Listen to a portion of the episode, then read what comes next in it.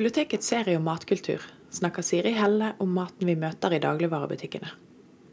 Kanskje har du prøvd å tyde innholdsfortegnelsen på noe du spiser, uten helt å forstå hva maten din består av? Siri Helle mener at matbransjen er full av juks, og at vårt ønske om å handle billig går på bekostning av bærekraft, dyrevelferd og kvalitet. Denne bobkasten kan lære deg å gjøre lure valg når du handler. Hei. Eh, Siri Helle heter jeg. Dette er boka mi, eh, som jeg, jeg, ga ut i fjor. Og den er basert på uh, en matspalte som jeg har skrevet i avisa Dag og Tid i litt over to år nå. Hver uke to versjoner av uh, ett produkt. For hva er egentlig mat?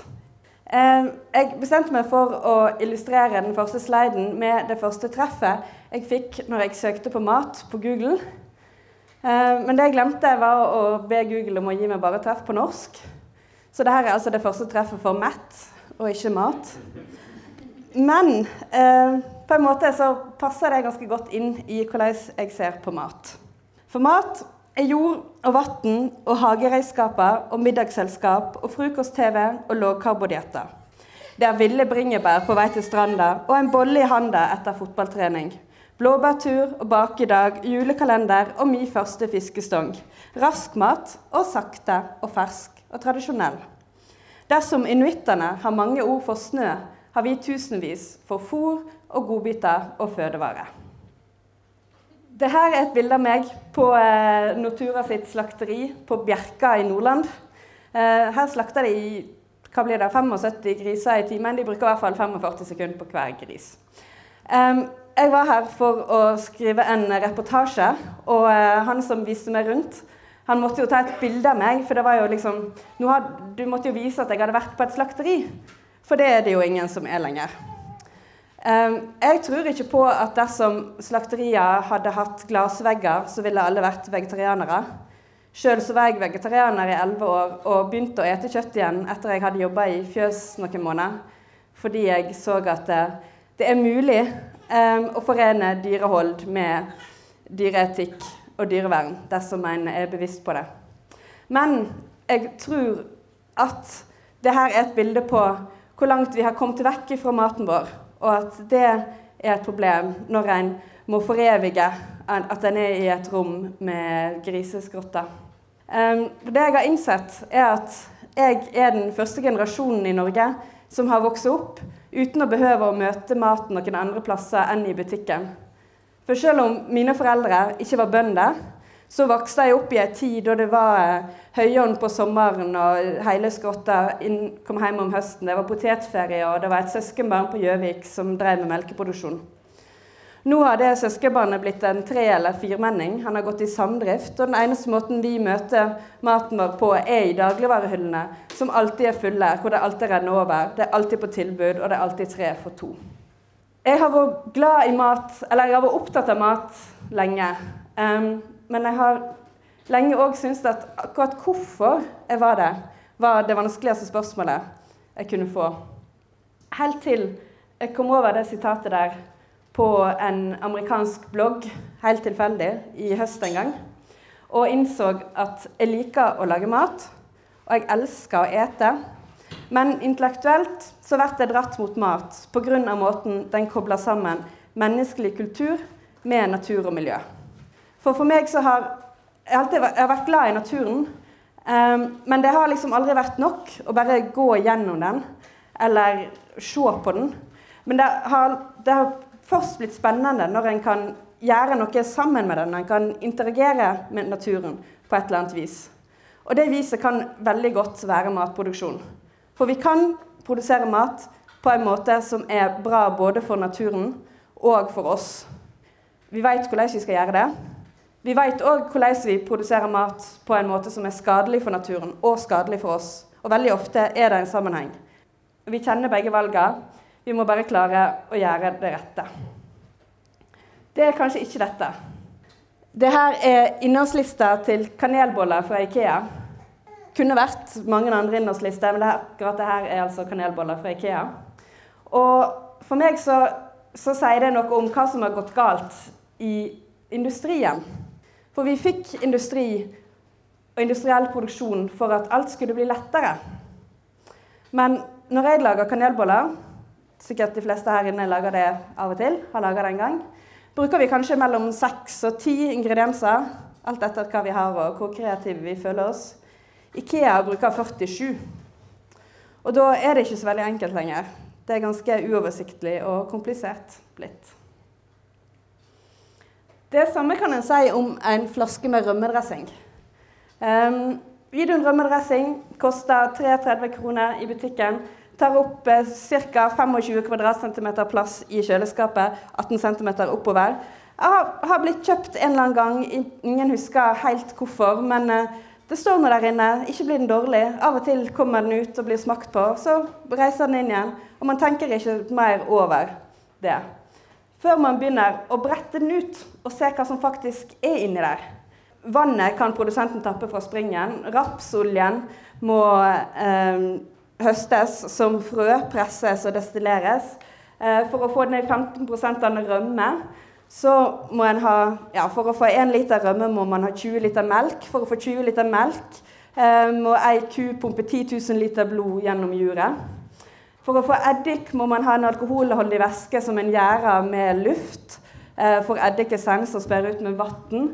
For å få salt bruker en stort sett et vakuumsystem hvor en pumper vann ned i fjellet, tar ut saltet, krystalliserer og raffinerer det til det salte, sånn som vi kjenner det i dag. Jeg skal ikke fortsette med alle, ta for meg alle ingrediensene i den her, men hvis en ser sånn på det, begynner å brette ut hva er det egentlig inni her, så tar det ikke så liten plass lenger. Eh, for eksempel så Ja, en lite poeng Fire av disse ingrediensene um, kommer fra hussoppen Aspergillus niger. Uh, den svarte soppen som vokser i vinduskarmene våre når det blir litt fuktig der. Det er ikke helt åpenbart hvilke fire ingredienser det er. Det dreier seg om santangummi, uh, melkesyre, trinatriumsitrat og eh, Kanskje det er bare tre. Jeg tror bare det er tre. Ja, de forteller ikke noe om det, eh, men det er der de kommer fra. Det er ikke noe skadelig for oss nødvendigvis, eh, men det er sånn som kan, kan føles greit å vite. Fiskekaker finnes det i hvert fall to måter å produsere. Eh, en kan ha en fiskebåt, en kan fiske en fisk, filetere den fisken, male den og lage en fiskekake. Det finnes det de som gjør, og de fiskekakene kan vi få kjøpt i butikken. De koster kanskje en plass mellom 60 og 80 kroner kiloet. Eller så kan man ta én fisk i den ene delen av verden, og så kan man vaske den fisken fullstendig tom for smak, sånn at en sitter igjen med en helt smakløs og pregløs, men veldig stabil proteinmasse som heter surimi. Så kan en ta en annen fisk i en annen del av verden og dumpe alt annet enn smaken av den, sånn at en sitter igjen med det som heter fiskeessens. Og så kan en slå de her to produktene sammen i Kongsvinger. Som ikke noe gale med Kongsvinger, men det ligger 16 mil fra havet.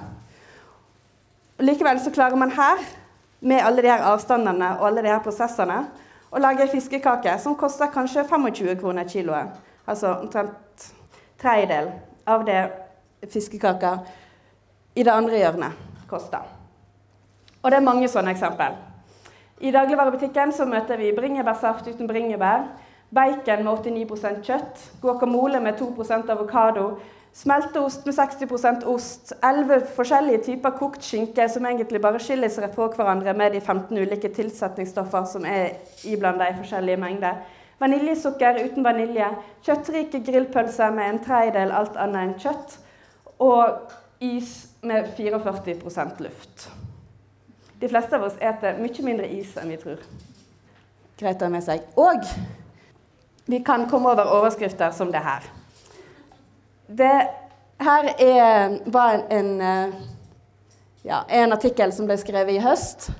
Um, egentlig så kom saka fra Sverige sånn et lite år tidligere. Da det var en svensk Facebook-side som heter Matfuske, som publiserte det her. At uh, jordbæryoghurten, bringebæryoghurten og vaniljeyoghurten du kjøper i butikken, kan inneholde bever rumpesekret. Det kan den.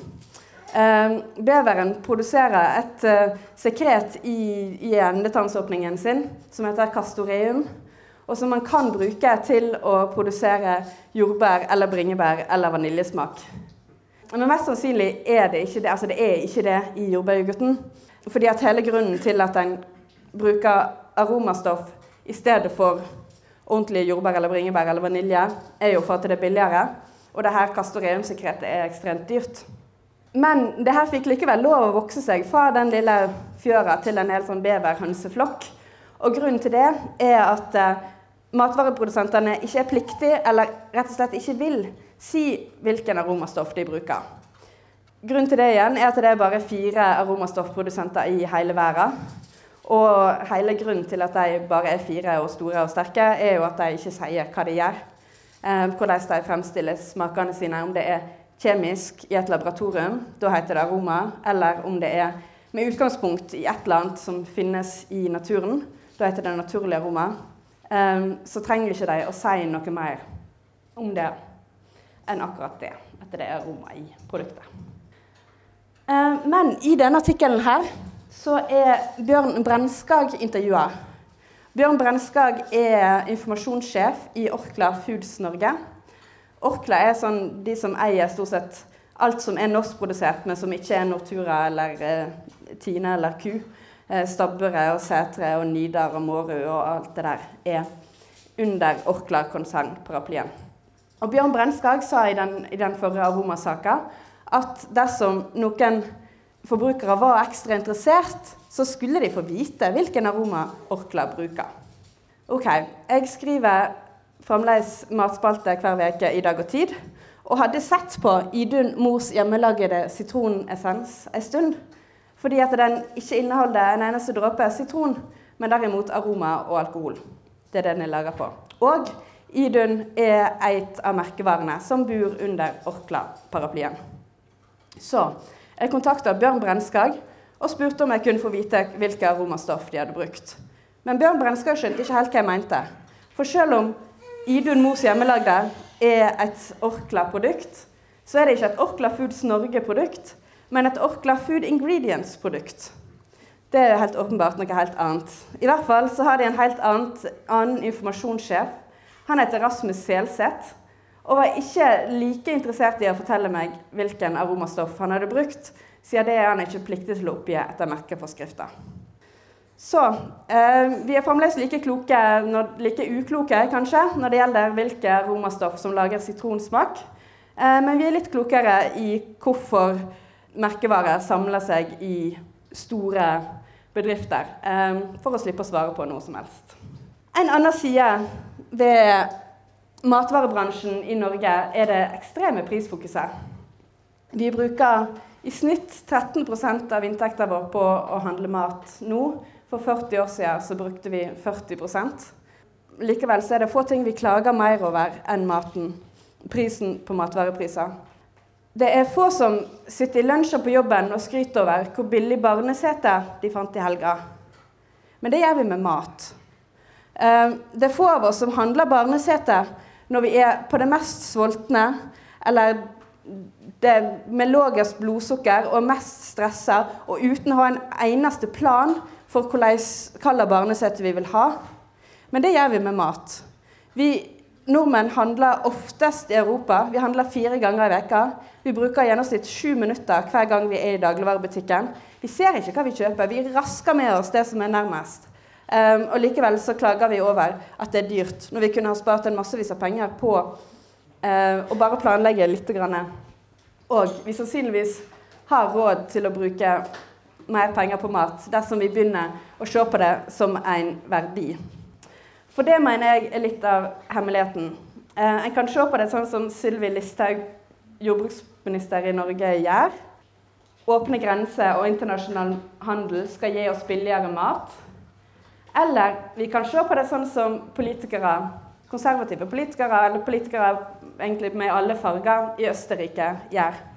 Når jeg kjøper østerriksk mat og drikke, vet jeg hva jeg et og hva jeg drikker.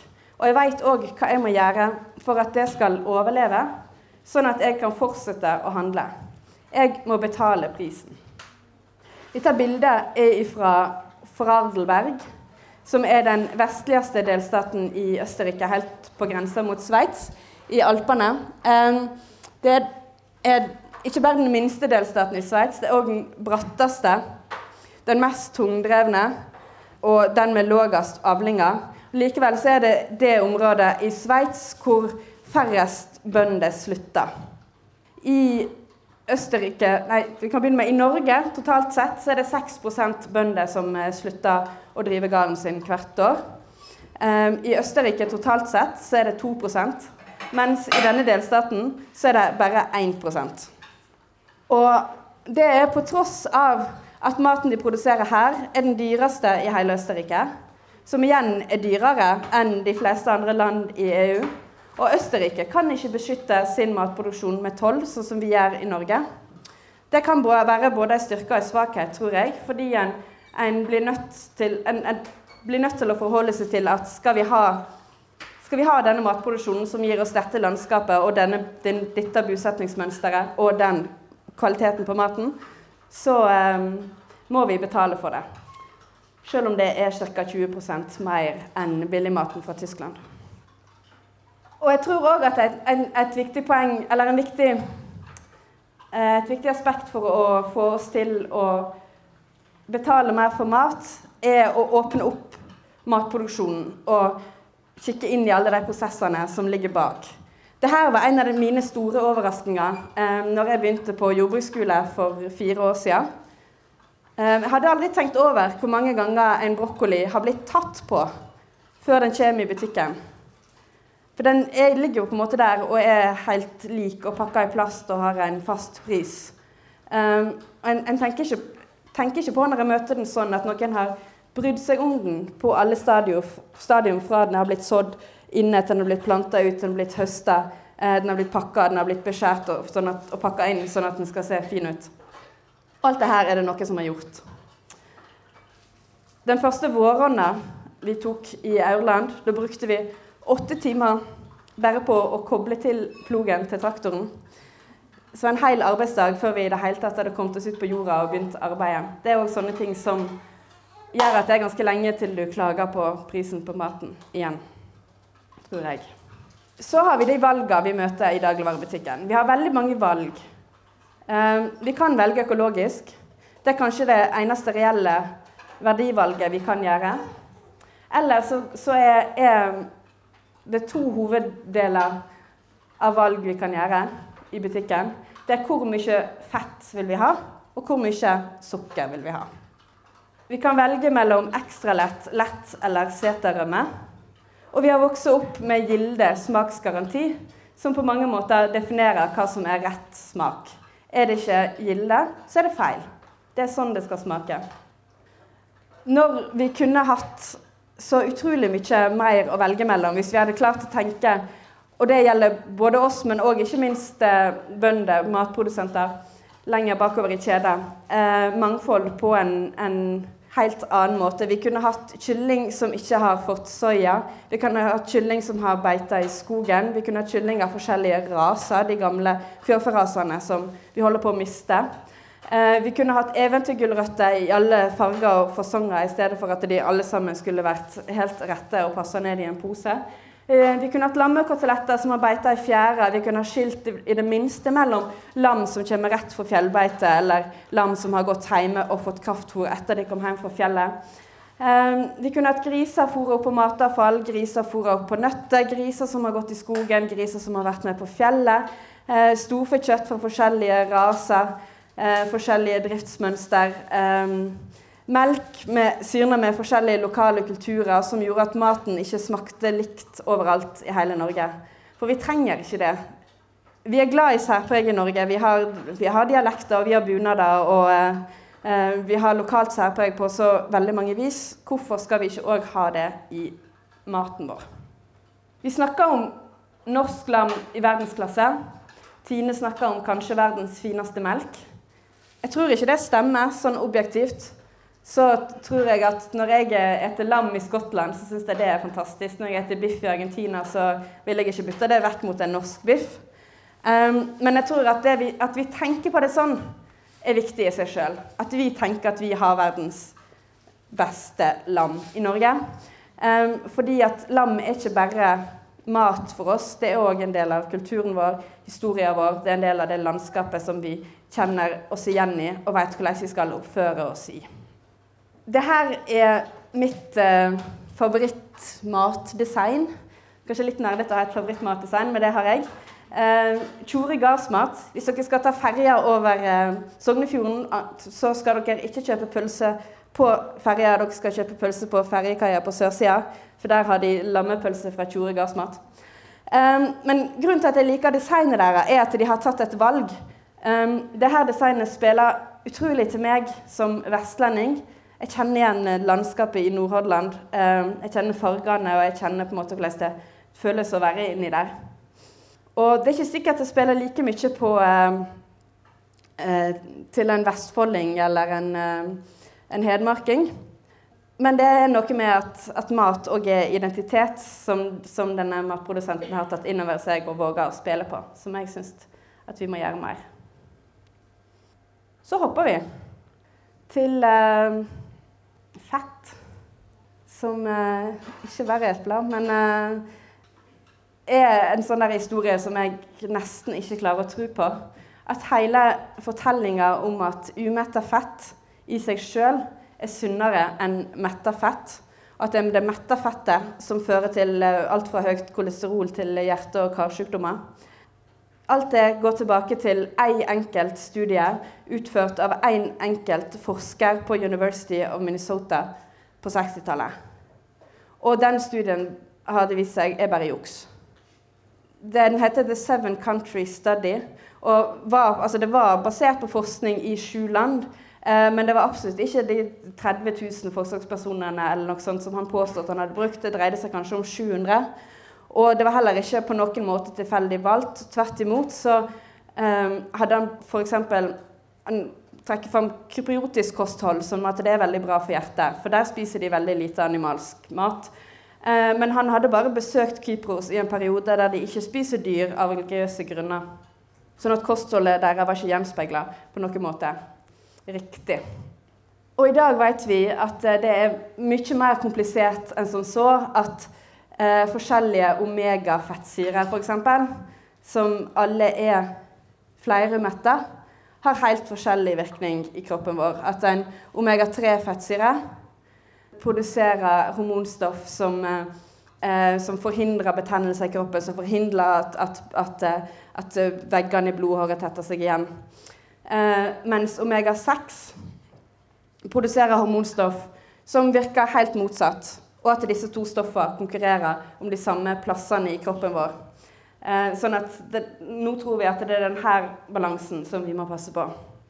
Hvem vet hva vi tror i morgen? Problemet det store problemet som disse tallene viser oss, er at vi eter for mye, rett og slett. Daglig kaloriinntak har økt med 25% fra 1970 i USA. Det er omtrent like mye som overvekten har økt med.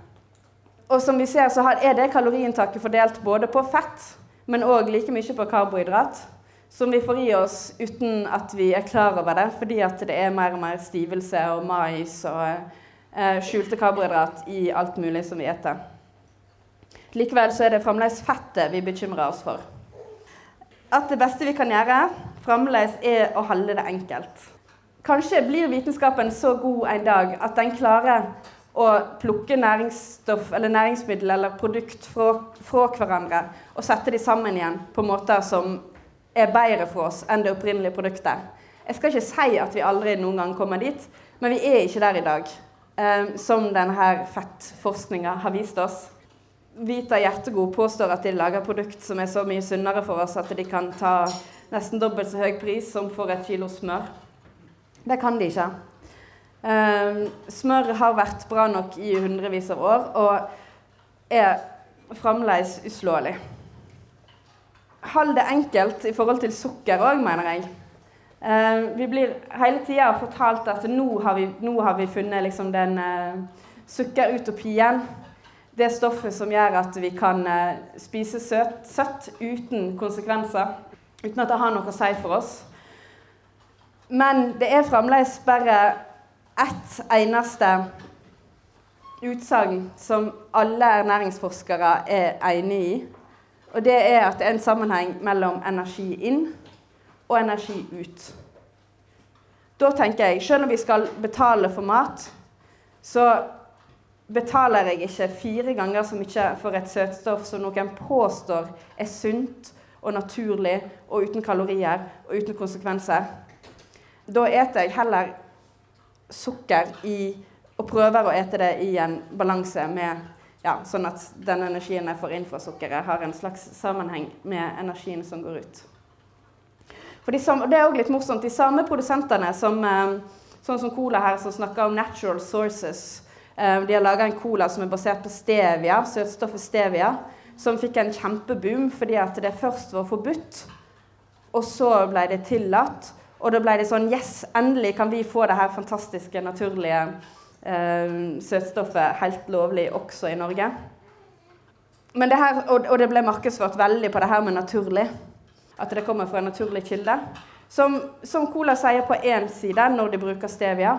Men når de bruker aspartam, så, som, ikke, som er et kjemisk søtstoff framstilt i et laboratorie, så snakker de om naturlig som en eh, sånn ja, at eh, det er mye som er naturlig som ikke er bra for oss. At mange gifter um, er like naturlig, og at man kan ikke skille mellom hva som er naturlig og hva som er kjemikalier. For alt er jo egentlig kjemikalier. Og det har de helt rett i. Um, men det gir de ikke rett til å velge å, å markedsføre naturlig som noe sånn positivt akkurat bare når de vil sjøl.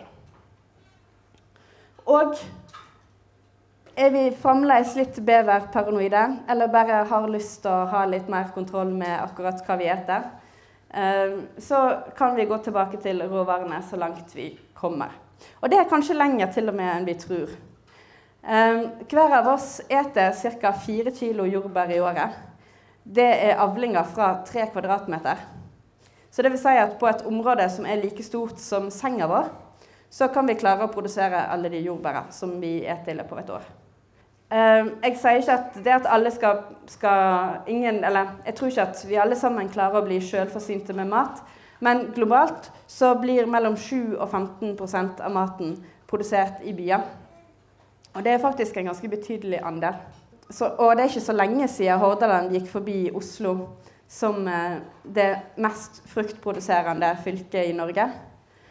Og det er ikke pga. alle de store plegarene i Oslo, men pga. alle villahagene. Så det nok, var nok mye av den produksjonen i Oslo er nok fremdeles som eh, bare blir mat for makk og fugler. Og det er jo ganske trist.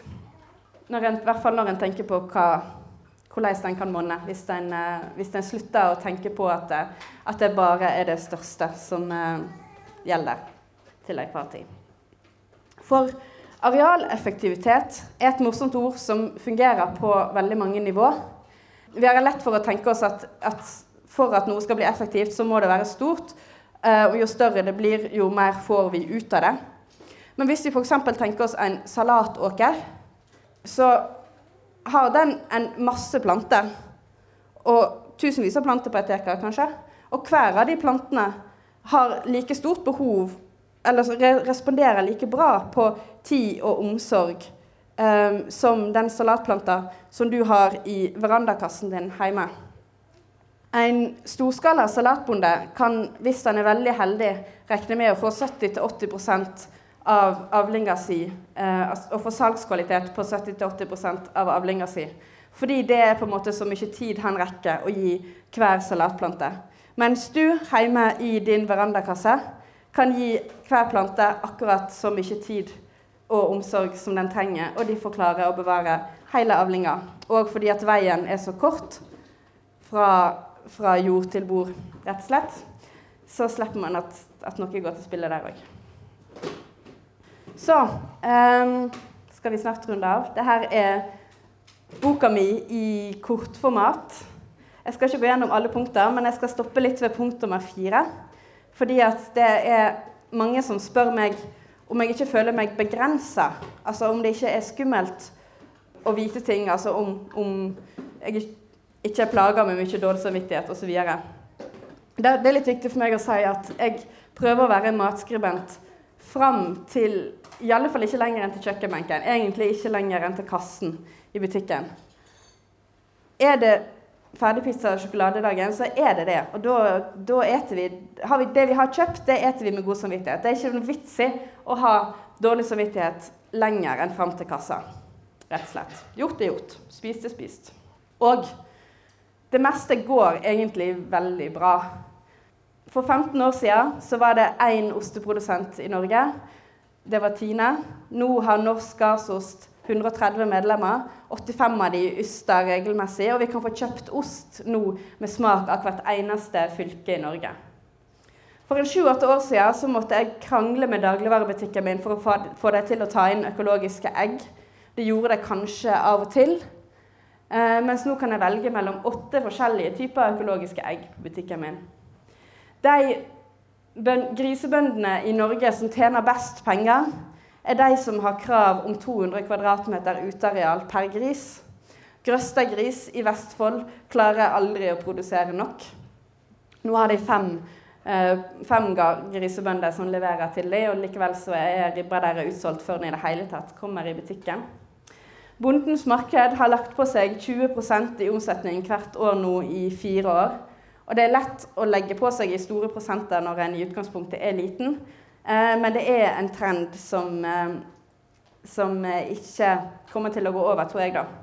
Nå har de Bondens markeder til og med blitt så store at Rema 1000 har prøvd å kjøpe dem. Og fikk nei.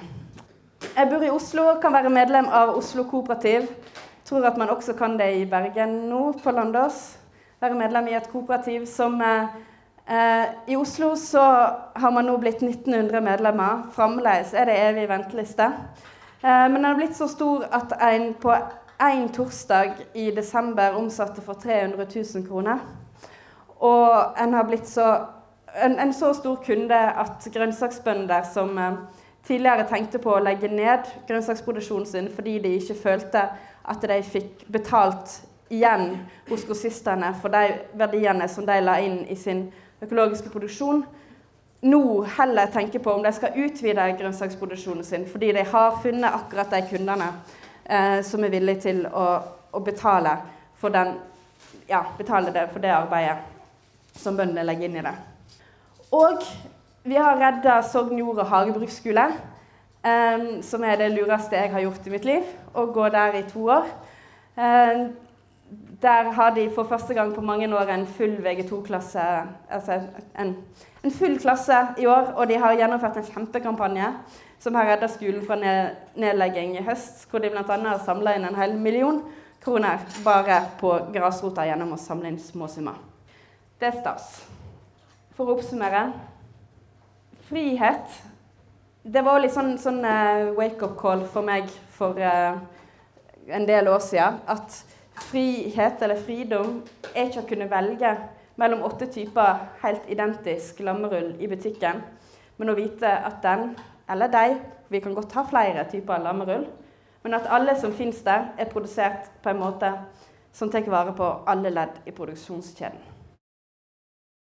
Det var alt for denne gang. Tusen takk til Siri Helle, forfatter, skribent og økologisk agronom. Boken hennes, handler rett', kan du låne på biblioteket.